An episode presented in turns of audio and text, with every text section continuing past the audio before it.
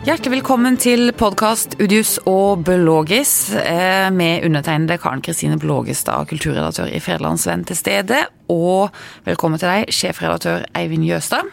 Takk. Og selvfølgelig til deg, politisk redaktør Vidar Udius. Tusen takk. Vær så god. Eh, først tenkte jeg vi skulle snakke om noe som er hyggelig, og noe som er interessant, og noe som kan være litt farlig først. For vi skal snakke om noe vi i Federlandsvennen har eh, holdt på med denne uken, og det er en utstilling til vår avistegner Mike Tombs i anledning hans 80-årsdag. Vi har en utstilling i Kilden som viser hans, eller noen av hans beste tegninger. Det er 80 tegninger i foajeen på Kilden.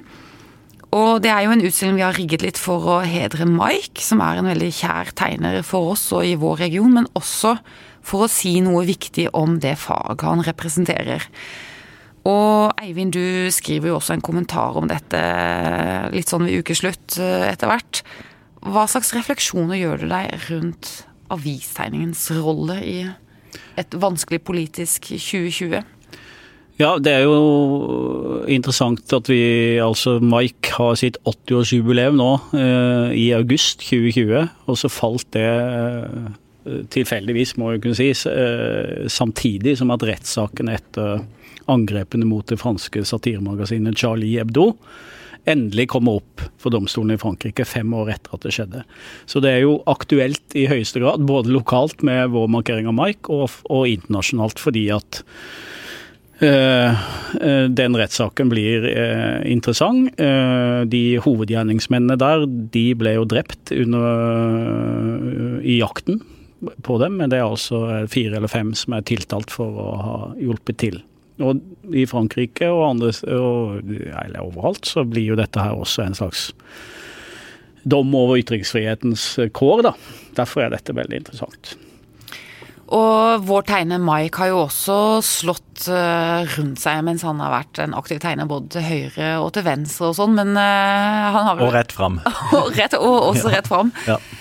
Med en veldig enkel og genial strek, da. Det Ja. Det som er så fantastisk med Mike, han trenger liksom ikke å Han bruker ikke tusj. Ah, Nei. Brei tusj. Nei, det er jo det enkle som er det geniale med Mike. Ja. Men hvorfor er eh, avistegneren og, og karikaturen, satiren, uh, så farlig, Vidar? Fordi at den kan ramme så hardt på et enkelt vis. Eh, og dermed også eh, treffer mange. Eh, og Mike har jo hatt mange skarpe drag opp igjennom i, i våre spalter.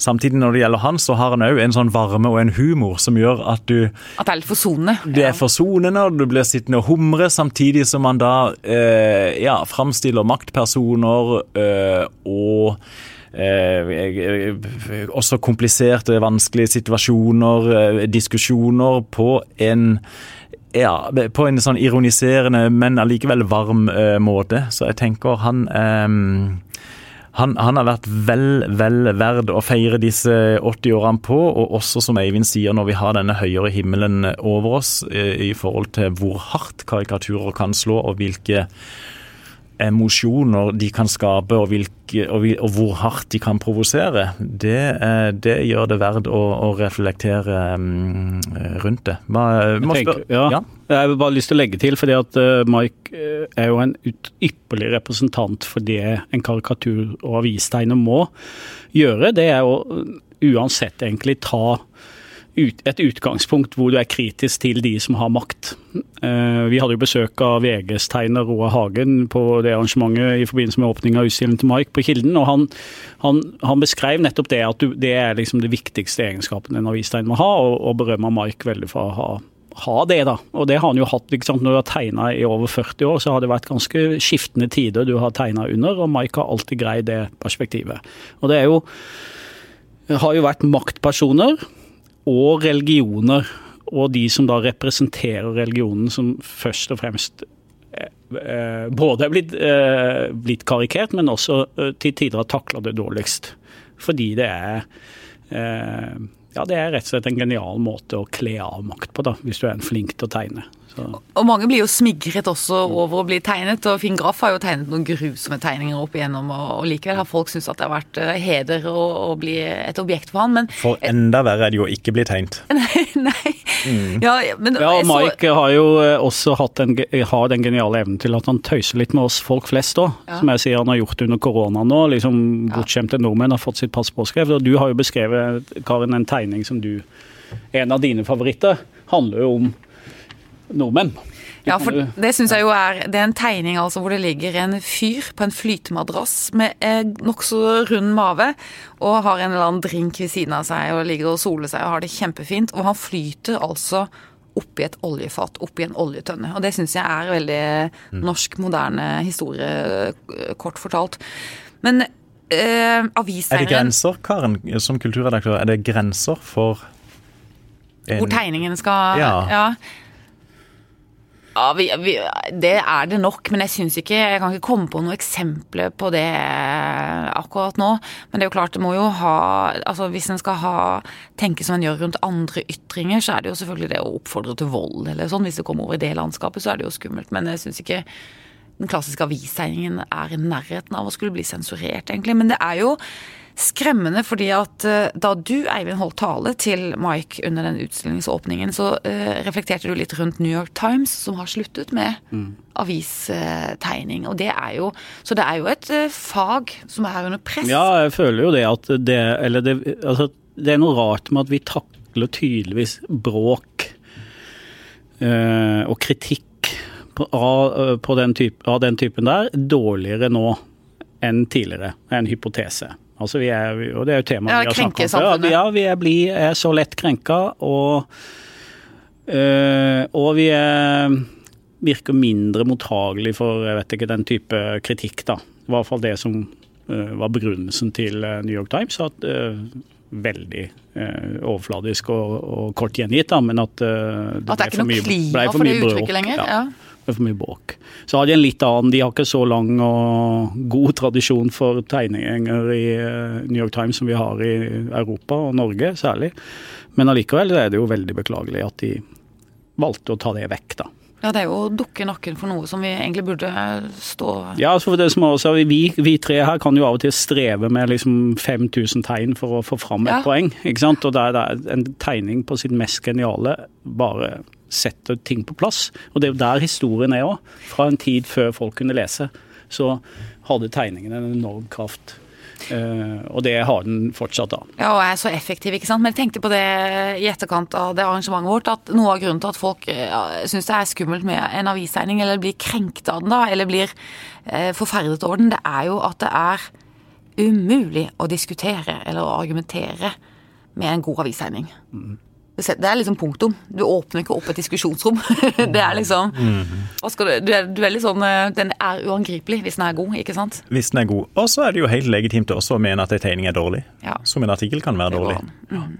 Men, øh, men, det Nei, men det var det, dette her eh, Denne uka her har vært en veldig nyttig anledning til å reflektere rundt de store dimensjonene som dette, som dette handler om.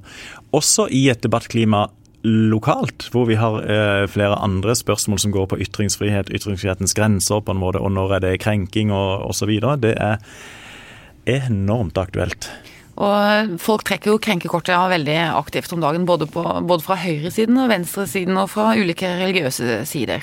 Ja, og det som Mike, vår tegner, er veldig opptatt av, er jo den, det han øh, øh, altså kaller politisk korrekthet. da. Han føler det er blitt litt lammende for tiden, da. Han er veldig opptatt av det. Veldig opptatt av det. Og It's killing us. Ja. og Hoa Hagen eh, sa jo også det i sin tale eh, på utstillingsåpningen, at det er jo umulig å ikke reflektere over hvis jeg tegner dette, eller hvis jeg tegner slik, eller sånn. Får det konsekvenser, hva vil konsekvensene være? Vi har jo alle familier osv. Og, så og det er jo noen avisseinere som eh, lever farlig. Blant annet har de jo fortsatt, flere år etter angrepet i Charlie Hebdo, masse sikkerhetstiltak osv. Nokså skumle saker å lefle med.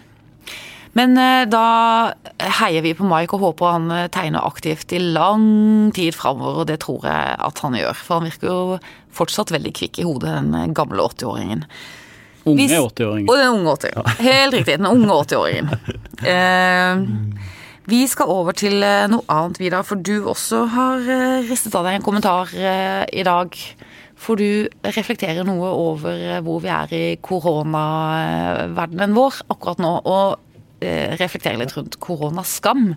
Ja, rett og slett. Som, som jo eh, so, Som jeg blir slått av når jeg snakker med eh, jo flere jeg snakker med i mitt nærmiljø ute i Søgne, jo mer slår det meg at det er, det er, det er et reelt fenomen. Eh, eh, skammen ved å skulle bli smitta av koronaviruset.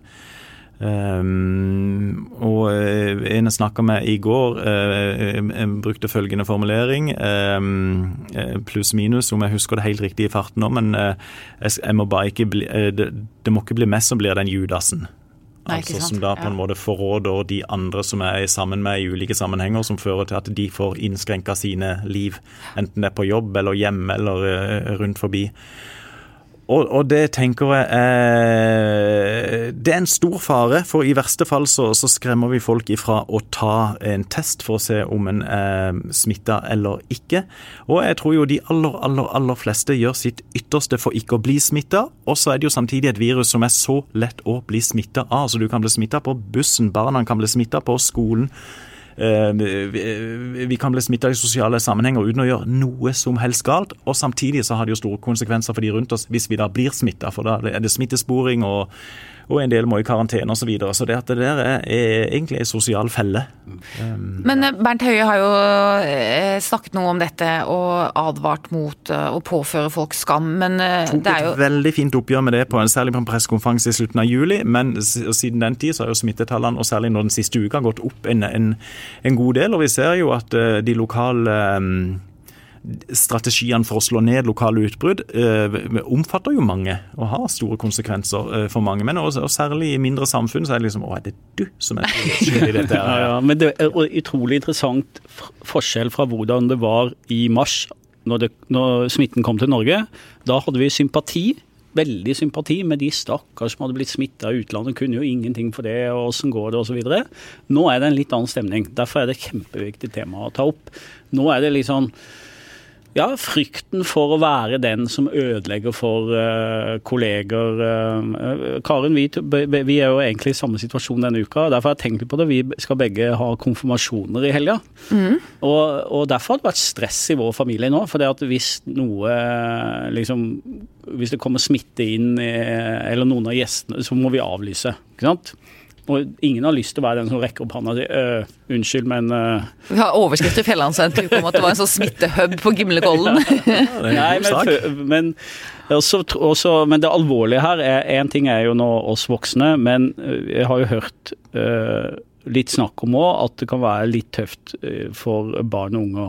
Ikke sant? Hvis nå har de endelig fått lov å begynne å spille fotball igjen eller håndball igjen. Ikke sant? Og hvis en på laget har vært i et eller annet, eller er familiemedlem som gjør at uh, laget må i karantene og sånn, så, så, er terskelen litt for lav nå for at man liksom legger skylda på. Uh, mm. Og da er det ikke... viktig å se på de tallene vi har her i byen og ja. i samfunnet rundt oss, for det er utrolig lite smitte. Det skal vanvittig mye til, og du er ganske uheldig Eh, hvis du skulle bli ramma av det. da. Og så kan vi jo le litt eh, og, ikke sant, av den skyldfølelsen en vil føle hvis en skal liksom ødelegge festen for de andre og påføre folk smitte, men det er jo et alvorlig bakteppe, for det at man kan jo gi smitte til noen som absolutt ikke skal ha det. Er ikke Underkjenner ikke dere skam litt nå? Er ikke det viktig sånn korreks til oss? Det hadde vært det det var snakk om, men det er, ikke, det er liksom ikke de det er ikke den gjengen, nei? Ja, altså Det tror jeg alle er enige om. ikke ja. sant? Uh, og at vi må være enormt flinke til å ta hensyn til utsatte grupper. ikke sant? Men nå er det liksom, som jeg tror Vidar er inne på i den kommentaren, veldig presis, at folk er liksom redd for å Det sosiale stigmaet? Ja, å ødelegge for andre. Ja, og jeg tror den frykten oppleves sterkere enn en den medisinske delen av frykten, nemlig mm. å bli smitta sjøl, og hva det kan føre til. og liksom hva, hva, mm. Det er frykten, frykten, for de andres reaksjon. Mm. Men, er ikke, men, er ikke, det med den der lille skammen som vi skyver litt rundt oss i samfunnet nå i forbindelse med korona, er ikke det en viktig vekker? da? Er ikke det et sånt greit instrument å ha som en liten sånn korrigering på vår oppførsel? For noen har jo også en advarsel som er risikofylt, og noen sitter jo på fly og kappkjører hjem til altså, Det er mange diskutable oppførsler. Jo, i denne pandemien? Ja, som kommer av at vi alle gjerne vil ha et, et friest mulig samfunn fremdeles. og så Samtidig er det, er det, innskrenkninger. Og da er det, da er det bra med den eh, positive påminnelsen eh, Å, hei, de må huske på at et eller annet sånn eh, Å, nå må vi alle stå sammen om, osv. Men derfra til å eh, fordømme de som er uheldige og blir smitta, som, som, jo kan ramme hvem som helst, det, er, det, må vi, det må vi bare passe oss for, tenker jeg. Jeg har jo en sønn som studerer på Blindern, og han var fadder i høst. Og han gikk rundt med sånn gul T-skjorte rundt i Oslo hvor det sto 'fadder', for det måtte de få. De fikk det utdelt. Og han forteller at han ble tilsnakket hardt altså, av gamle fruer på trikken som eh, Ikke sant. Det var litt heksejakt. Ja, ja, ja, ja. Men eh, for å avslutte denne korona, rekk opp hånda de som har vært eh, i utlandet da, i sommer f.eks. Risikoatferd. Ingen hender. jo, jeg, en halv hånd. jeg har vært i, i Nordjylland. Ja. ja. Det, men da var det var jo eh, nokså tidlig i sommer, men, men følte du at det var litt eh, Nei, det var egentlig på eh, siste halvdel av sommeren, og mens vi var der, så ble eh, søndre del av Danmark ble rødt i henhold til norske myndigheter. Ja. Uh, og det, var, det merka du liksom på stemninga rundt i Vi var helt oppe i Løkken, da, helt oppe i nord, men du merka det litt der.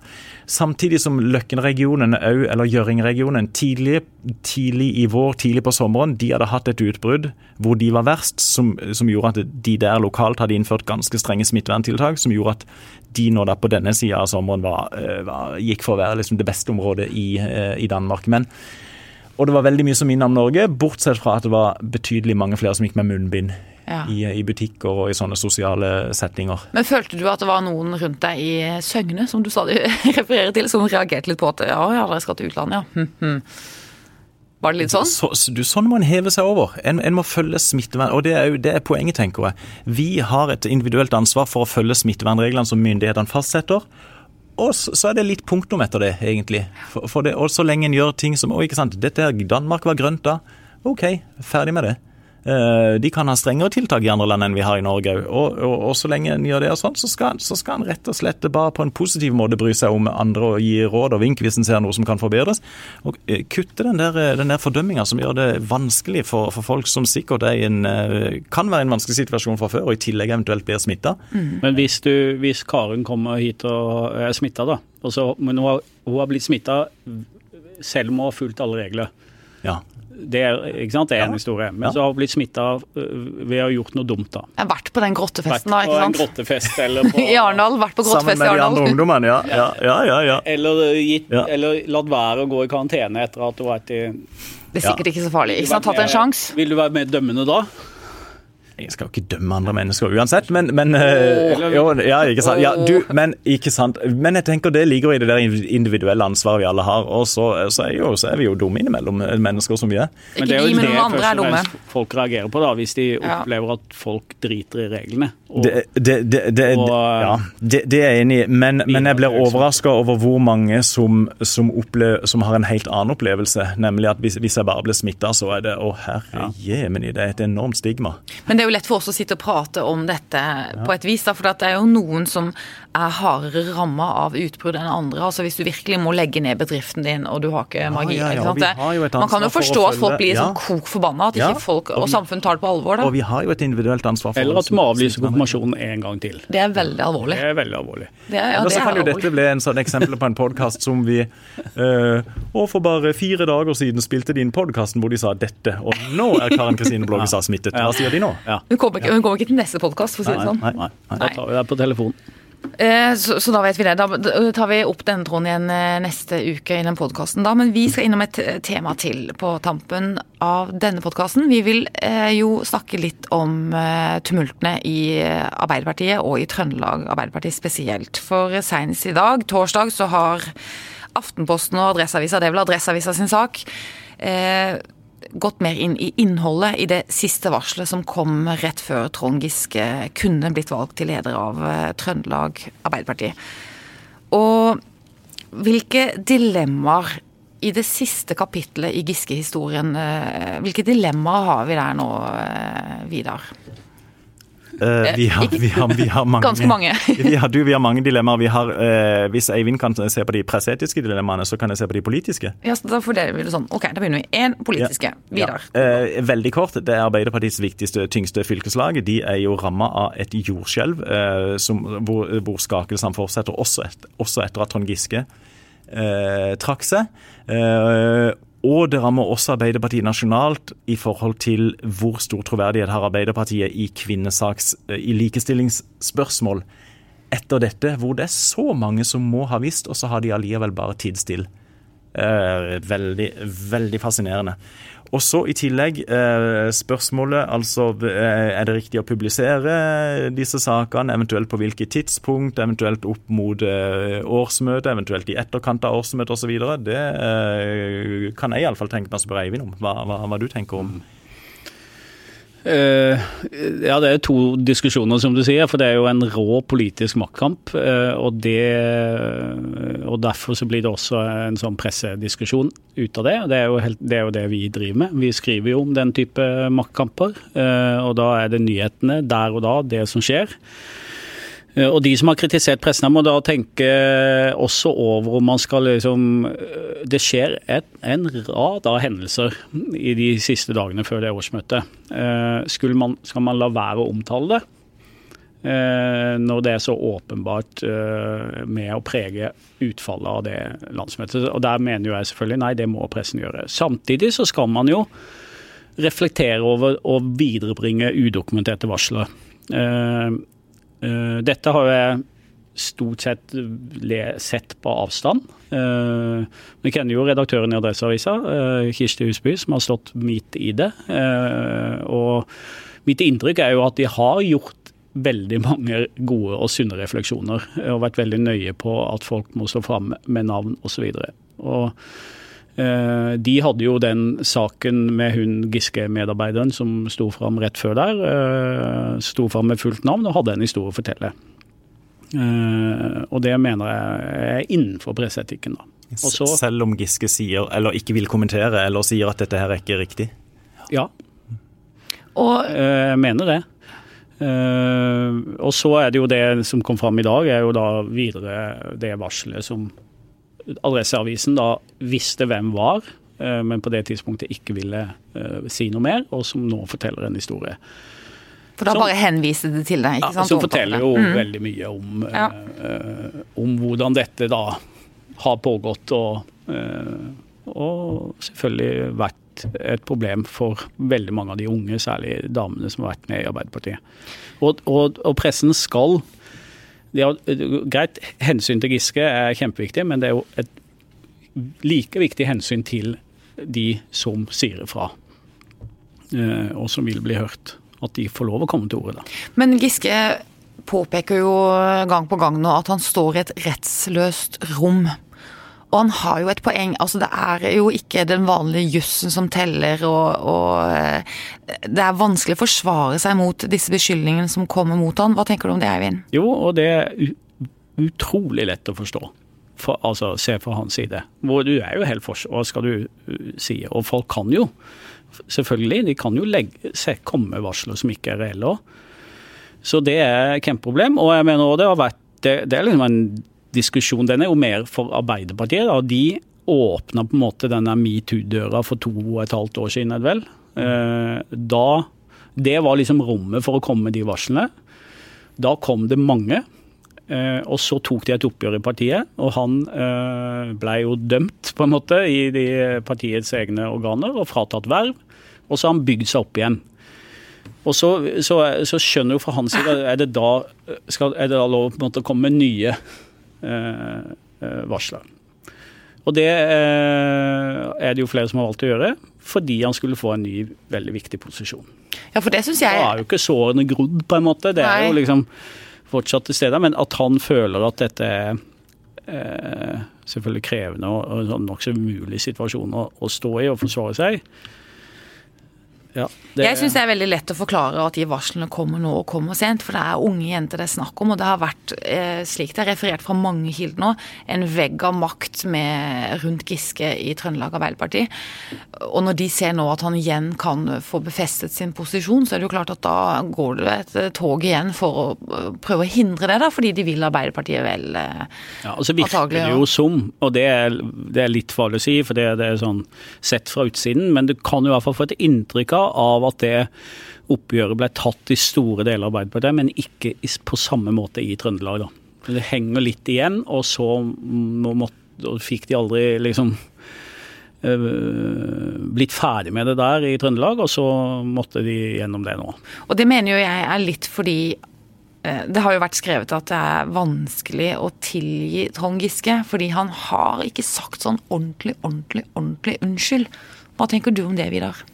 Jo, det, det, er, det er eh, langt på vei enig i. Og så tenker jeg jo i tillegg at dette er ikke en juridisk straffeprosess, men det er snakk om politiske verv, og da handler det om, det, om dette ordet tillit. Og det er det, er det andre som gir det. Eller, eller tar fra det. Eh, og da det, er en annen type prosess, og da, da, da teller jo enkelthistorier inn, ikke minst når situasjonen er som den er eller har vært. Men det er jo interessant å se, for Trond Giske legger jo en sånn retorikk på disse sakene og varslene som er sånn jussterminologi. Eh, det, men det hjelper Eller det, er ikke, det, det blir ikke riktig, føler du? Det tenker jeg er litt på sida av, av, av, det det handler om, nemlig eh, viktige politiske verv. Og, um, for du har juss, og så har du tillit og moral og sånne andre ikke så tekniske ting? Uh, uh, ja. Eh, rett og slett. Men, men enormt uh, interessante presseetiske eh, vurderinger som, som er gjort. Jeg syns uh, Adresseavisa står seg på at de, liksom, de, de, har, ettersom det vi kan lese, iallfall gått, gått nokså langt i å prøve å få øh, styrka Eh, eventuelt svekka troverdigheten i det som fortelles, ved å snakke med andre kilder som, som, mm. som aktørene har vært i, i kontakt med. Men Giske nekter jo for de beskyldningene, siste beskyldningene som er kommet, så det må jo tas med. Absolutt. Og så er det jo var det jo mye mer som skjedde på det, lands, på det årsmøtet i Trøndelag òg. For en ting var jo Giske-saken, og så var det jo leder av valgkomiteen, Arild Grande, som står fram. Og eh, han støtter Giske, men ikke ikke eh, hun som ble valgt, Kjerkol, som har vært i samme miljø som Giske, så var det som har holdt på der oppe, kan man jo spørre seg om.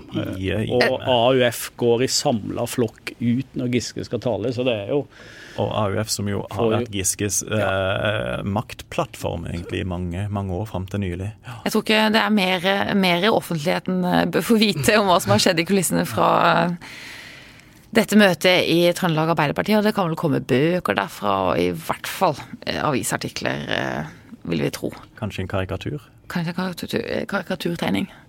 Ehm, da skal vi avslutte denne ukas podkast, som var egentlig sesongåpning for høsten 2020. Det er spesielle tider, så vi satser på å være tilbake igjen også neste uke. Tusen takk for at du hørte på.